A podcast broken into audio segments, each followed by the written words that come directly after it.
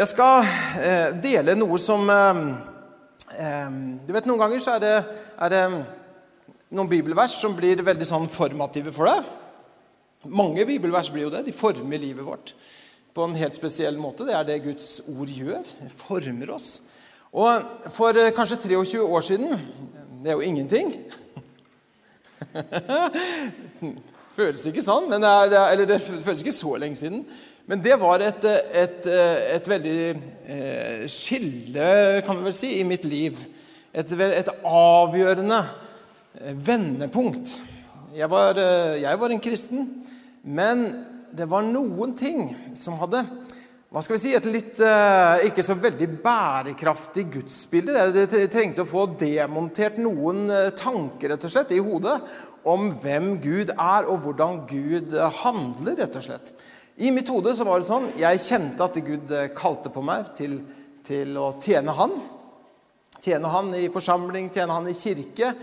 Og vet du, Det var bare så underlig, for når jeg har snakket med andre, så har det sagt å, det var fantastisk, Gud kalte meg. Og jeg bare kjente en sånn glede over å, å få tjene Herren. Og, du vet, og, så, og så gir de sånne råd som at du vet, det som er, at Gud han gir deg først en lyst. Og så gir han deg en trang, og så gir han deg bare en sånn lidenskap at det er ingenting annet du heller vil. Så jeg tenkte ok, du er heldig, du. Sånn hadde ikke jeg, jeg det.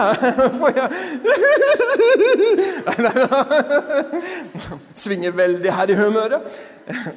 Nei, men sånn var det ikke, rett og slett. Jeg hadde noen sånne ideer om Hvis jeg tjener Gud Altså jeg, hadde, jeg, vet, jeg, vet, ikke om jeg kan dele alt der, for du vil jo tenke hva i all verden er du, åssen er du tenker? Jeg tenkte eksempel, Du kommer aldri til å liksom få en dame som du virkelig liker.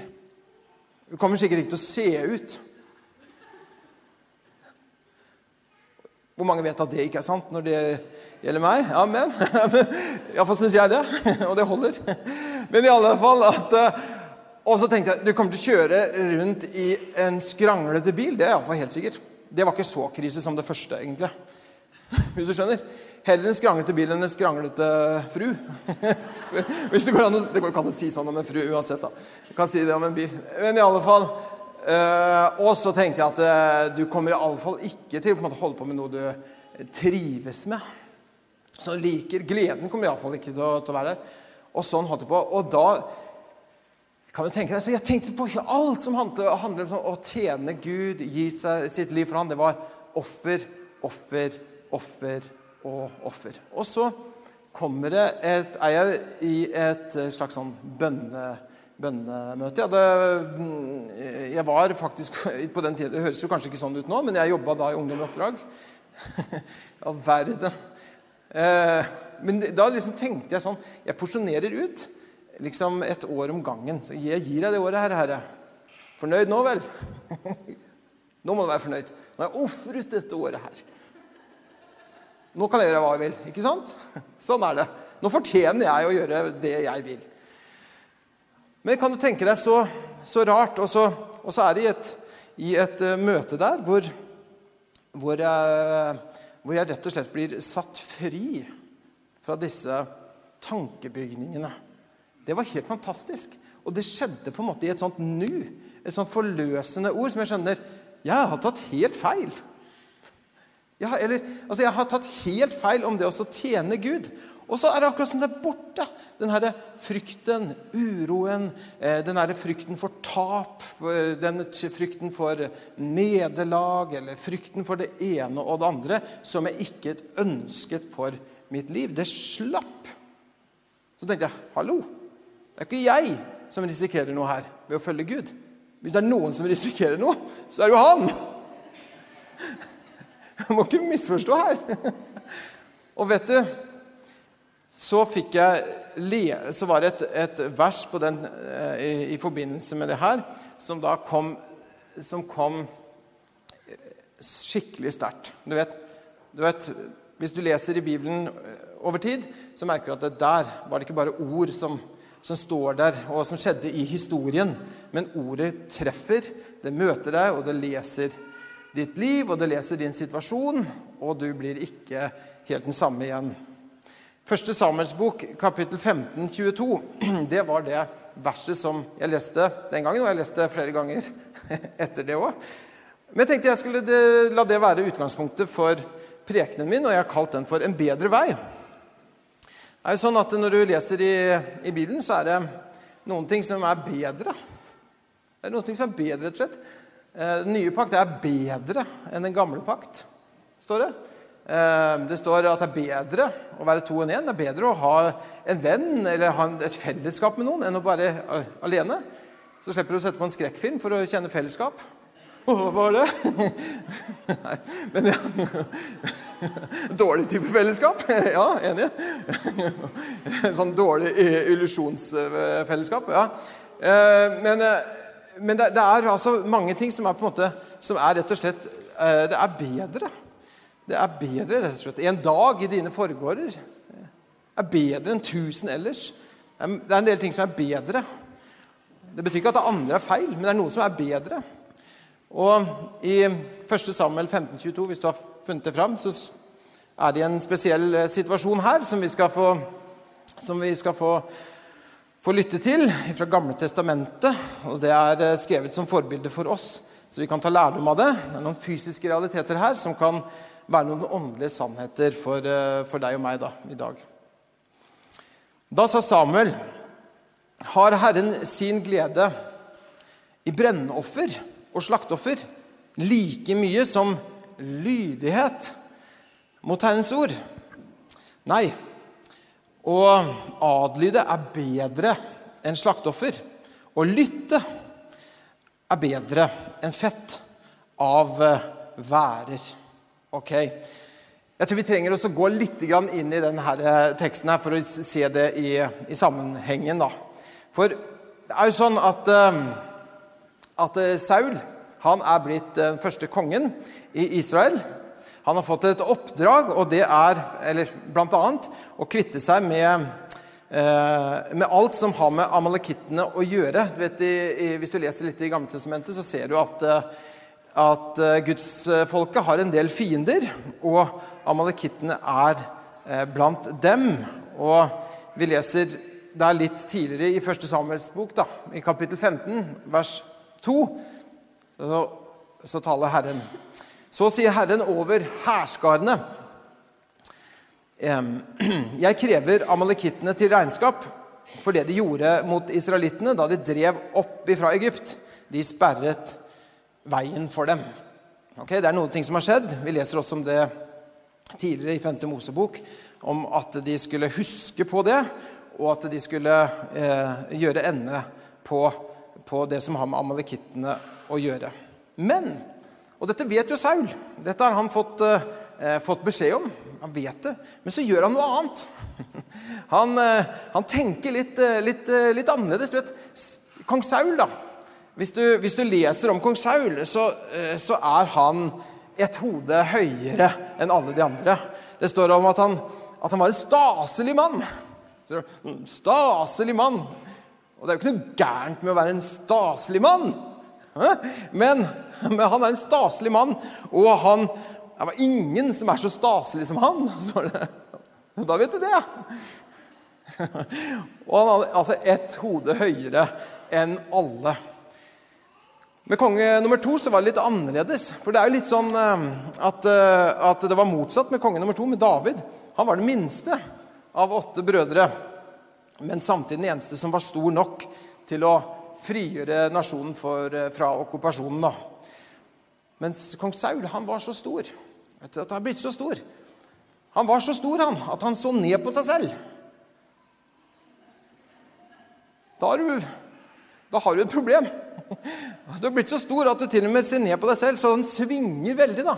Mellom på den ene siden en selvforherligelse, hvor du liksom Her er jeg, liksom. Jeg er Saul. Jeg bør ikke vente på Samuel. Jeg kan være konge og prest. Det kan jeg. Så I det ene øyeblikket så er han der, mens i det andre øyeblikket, litt før, da, så, så skal han bli krona som konge, og de må leite etter han. Saul, Saul, du, det er tida di nå. Du skal, hallo, du skal ikke bli krona som konge. Og de leiter, og de finnes Saul, Saul, Saul. Og så må de leite. Der, liksom, bak noen rustninger i et våpenlager, der er Saul. Og har gjemt seg. Så det er noen veldige svingninger kan du si, i, i Saul sitt liv fra det ene øyeblikket til det andre. Og eh, eh, Så når han forakter seg sjøl, så, så, begynner også folket å forakte han. Da. Men han kan du tenke deg at han er i en sånn situasjon at han gjør ikke det som Gud taler til han om. Liksom fordi han tenker at han vet bedre, men så svarer han i vers 24 der i kapittel 15. Så sier han litt om hvorfor han ikke lyder Herrens ord. Så sier han Da sa Saul til Samuel, 'Jeg har syndet, for jeg har brutt Herrens bud og dine ord.' 'Jeg var redd. Jeg var redd for folket, og jeg ga etter for dem.' Altså, Hva er det med Saul? Han er mer, frykter da mennesker mer enn Gud. Er det ikke rart? er det ikke rart hvordan vi kan være? Altså, Vi kan jo være sånn, vi òg. At vi, OK, Jesus, du er, jo, du er jo god og grei og, og, vet jo dette her og jeg holder på med her, men å, herlighet, jeg er så nervøs for at andre skal få vite om det her. Ok, det gir jo mening, hæ? At vi frykter, gir jo veldig mening å frykte mennesker mer enn Gud. Nei, det, jo ikke, det, gjør jo ikke det. Og Jesus sier jo det ved flere anledninger. Hallo, ikke frykt for dem. Om de kan skade dere, om de kan ta lide frykt, heller Gud. Frykt heller Gud, som kan Altså som, som en dag skal dømme levende og døde. Frykt, frykt Gud. Mens hva er det med Saul? Jo, han er mer redd for menneskelige konsekvenser enn det å å lyde Gud. Og så er han mer opptatt av de tingene Gud gir. Eller han altså mer opptatt av tingene Gud gir, enn av Gud. Hør på det her. I vers 19 så sto det jo det at 'Hvorfor adler du ikke Herrens ord?' Og så står det 'Men kastet deg over byttet'. Åh! kaster seg ah, Bader i gull og sølv og, og, kaster seg rundt med sauene der. Og se her, alt dette! Oi, oi, oi. Og er liksom superfornøyd, på en måte. Men han kaster seg over byttet, og så gjør han det som er ondt i Herrens øyne. Jeg hørte om en som var ute og handla. Var, uh, var på, på besøk i England. Og så ser han Oi, se her! Og han kjøper, vet du. Og kjøper inn. Så står han i, i kassa der, og så, så sier han hvor er, hvor er, Where is my extra gift? Hvor er for, Sier han. For han står i kassa. Where is my extra gift? Extra gift? Svarer den herre ekspeditøren. It says here cholesterol free. Nei da, det var ikke morsomt. Vi bare kutter den. Det er greit. Ja da. Ja ja, du, takk, takk. Det var barmhjertighetsklappen. Vi tar imot. Ofte er det ens egne vitser best. Det viser seg gang på gang. Amen. Eller ja vel. Ok. Men altså er mer opptatt av tingene Gud gir, enn av Gud. Hvis vi går til Lukas 15, så er det jo to sønner. Noen ganger så sier vi at det er og det står vel kanskje også i overskriften i Bibelen din om lignelsen om den bortkomne sønnen, eller noen steder kanskje om den hjemkomne sønnen. Men sannheten er jo at det er to sønner i bildet her, og de er jo like bortkomne begge to. Selv om den ene holder seg hjemme, så er han ikke opptatt egentlig av å lyde Gud for å ha en relasjon nei, Han er ikke opptatt av å lyde Faderen for å ha en relasjon med sin far. Så når eh, den yngste sønnen kommer hjem, og det er det er eh, stor glede i huset, så er det en som står utafor der og liksom sparker i grusen. Liksom står utenfor, og, og, og, så må jo faren komme ut av hva, hva er det du sutrer for? Hva er det hva er du gnåler med? Hva er det du klager på? Hva, det, hva skjer? Han sa ikke akkurat sånn. Det er en fri eh, Ja. Men hva, skjer? Hvorfor er du ikke med inn i festen? Du har aldri slakta noe for meg. Aldri noe fest for meg. Jeg har jo alltid gjort det du har bedt om. Jeg har alltid adlydet ditt ord. Og der sier ikke faren noe på det. Men en, en eldre sønn som er opptatt mer av tingene han får, mer enn å ha en relasjon til Faderen. Bare en annen måte å kontrollere Faderen på. Han er så gretten, og vi skjønner jo at det, at det har kosta denne eh, eldste sønnen noe å få denne yngre sønnen hjem. For at eh, Faderen hadde sagt 'alt mitt er ditt'. Og det, det var det. Han hadde jo delt rikdommen, eiendommen sin, mellom de to. Så den eldste har fått to tredjedeler, den yngste har fått eh, en tredjedel, sånn som det er.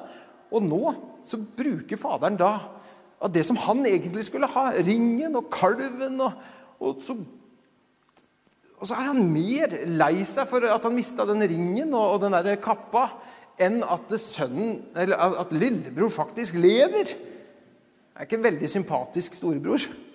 Det får oss til å lengte etter en annen type storebror, og det har vi fått.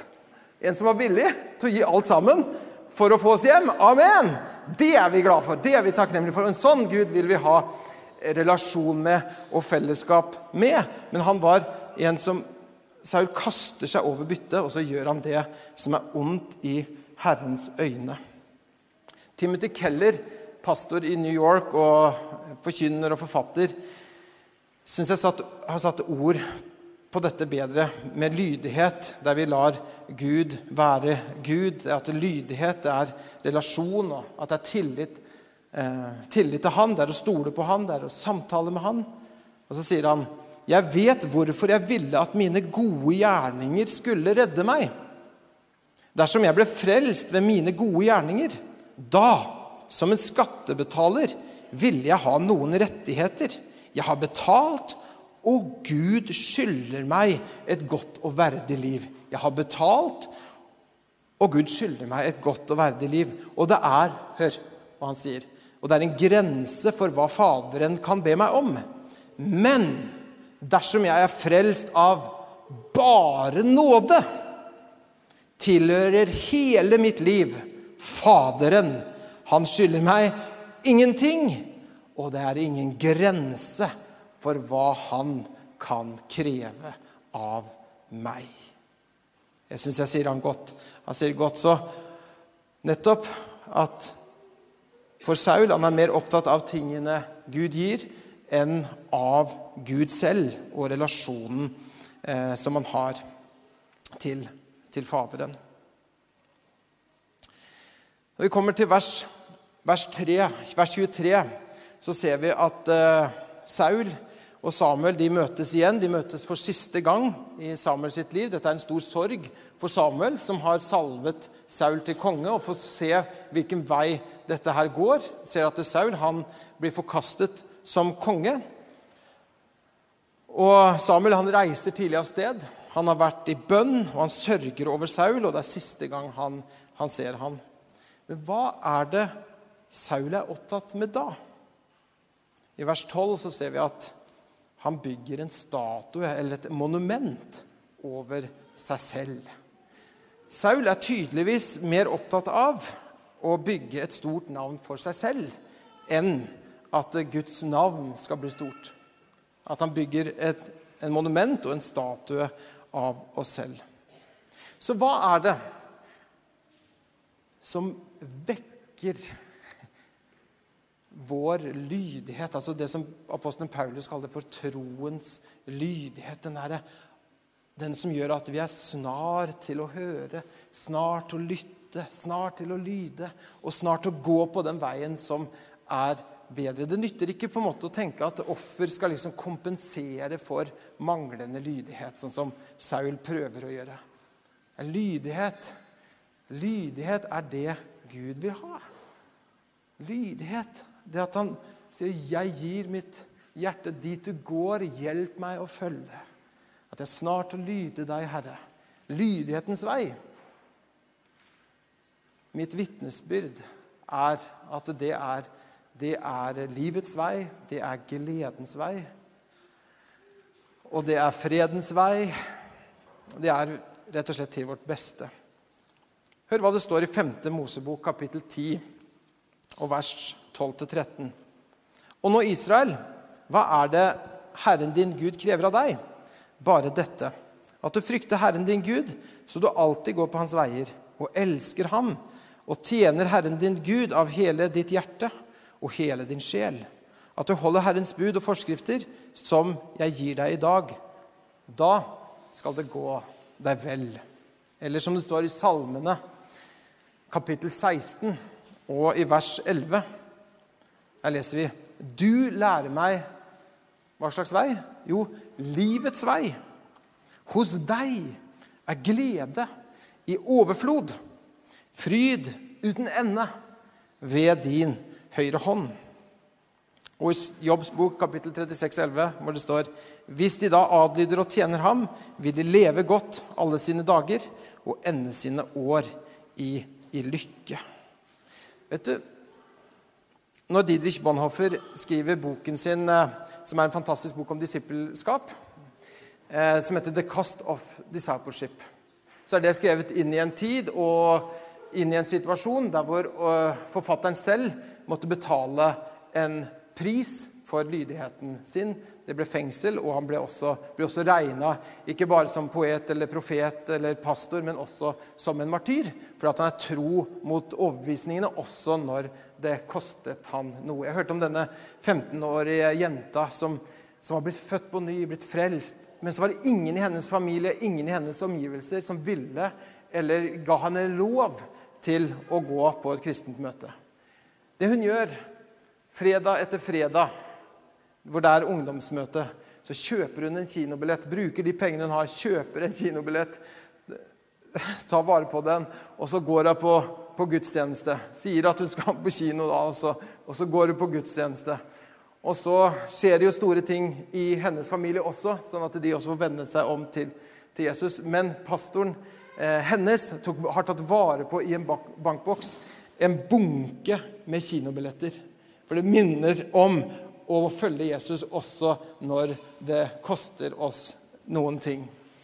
Var sterkt å høre noen eh, om, om, om, det. Altså Noen ganger så, så, koster det, men samtidig som at det koster noe, at det, at det er en dimensjon ved det å ofre noe, så tenk på det.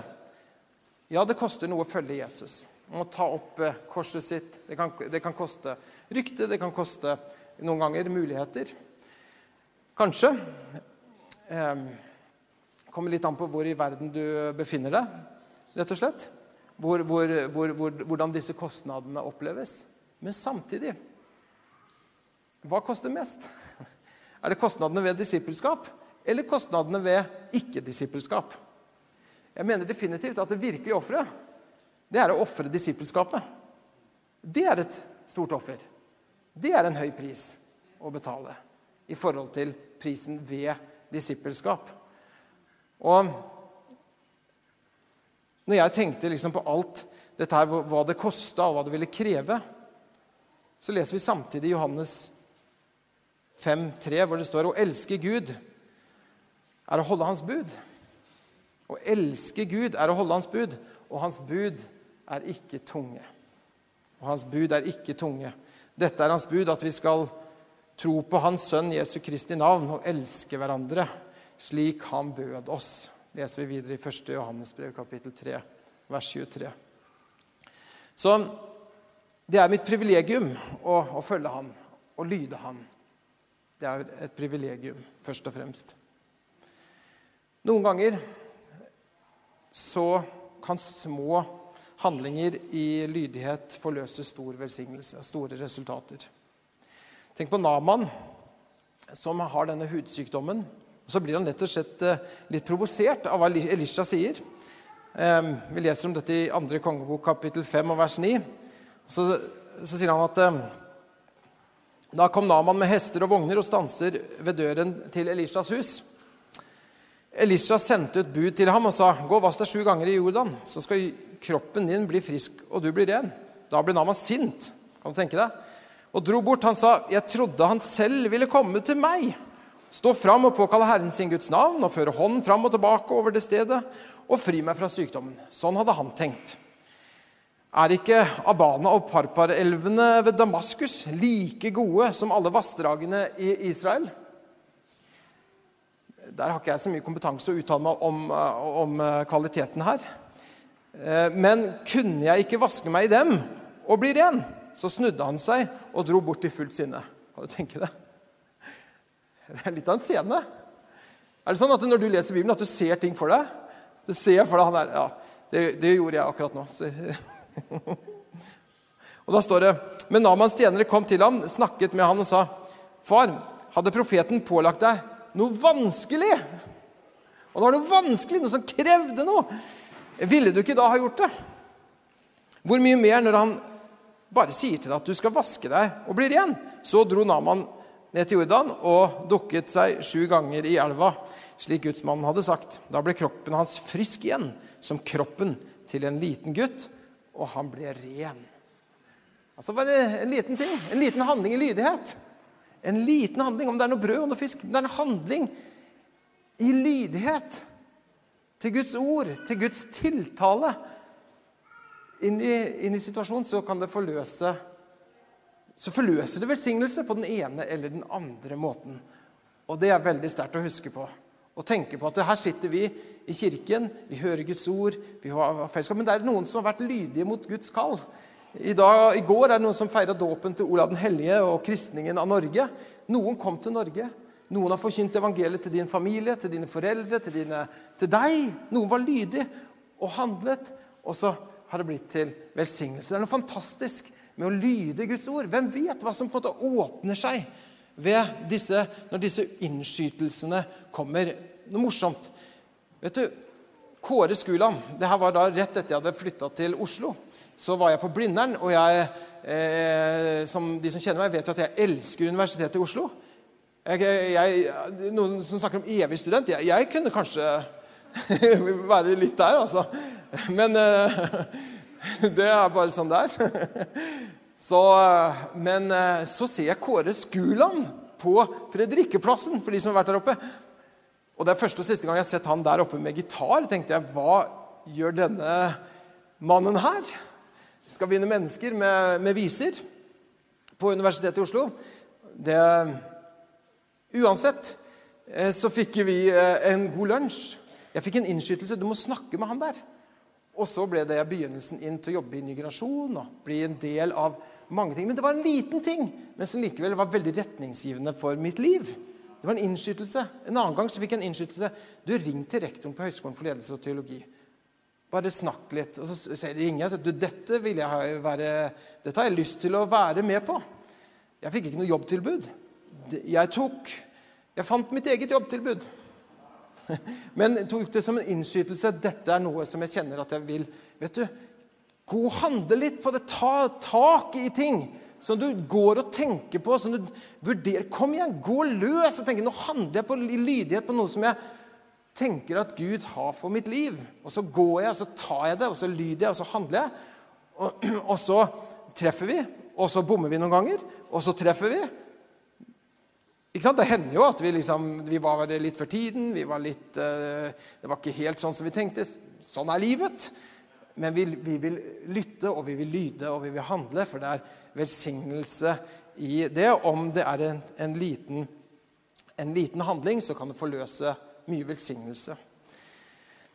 Utsatt lydighet er ikke lydighet. Vet du, Hvis det er noen ting som liksom, du brenner inne med Har du hatt en litt sånn 'Å, jeg skulle' Jeg skulle egentlig, jeg burde vel, jeg skulle. Og hvis du bare hadde hoppa i det med en gang, så hadde det vært ganske greit. Men så er det akkurat sånn at jo lenger du venter, jo vanskeligere blir det. Har du den erfaringen? Det er en erfaring jeg har. I Salme 119 og vers 60 så står det Jeg skynder meg. Jeg skynder meg, jeg drøyer ikke med å holde dine bud. Jeg skynder meg, jeg drøyer ikke med å holde dine bud. Vi får være litt som Josef. Når han våkna av søvnen, så gjorde han som Herrens engel hadde pålagt ham. Våkna. Ok, jeg går for det. Jeg tar Maria til meg igjen. Jeg venter liksom ikke til hun har født. Eller liksom Jeg venter liksom til jeg har fått en DNA-test. Nei, han venta ikke på det. Han hørte Herrens engel, og så, når han våkna, så tok han og henne hjem til seg som sin kone, som det står her. Min primære motivasjon er jo ikke hva jeg får ut av det. Eh, det er ikke eh, Det er på samme med jobben. Det er ikke at jeg er trofast i jobben fordi at jobben krever det, eh, eller, eller at, at, jeg er trofast mot ektefellen min bare fordi at det er liksom min plikt. Og Sånn er det også med, med oss å lyde Herren. Så står det at min primære motivasjon for lydigheten, det er jo at vi elsker Han. I Johannes 14, 23 så står det at den som elsker meg, den som elsker meg, vil holde fast på mitt ord. Og min far skal elske ham, og vi skal komme og bo hos ham. Det er motivasjonen. For Kristi kjærlighet tvinger oss, sier Paulus. Kristi kjærlighet tvinger oss. Vi vet at én er død for alle, derfor er de alle døde. Og han døde for alle, for at de som lever, ikke skal leve for seg selv, men for ham som døde og sto opp for dem. Amen. Himmelske Far, vi takker og priser deg. Vi takker og priser deg for ditt ord, Herre Jesus. Takk at vi får være snart å høre. Snart å høre, snart å lytte til ditt ord, Jesus.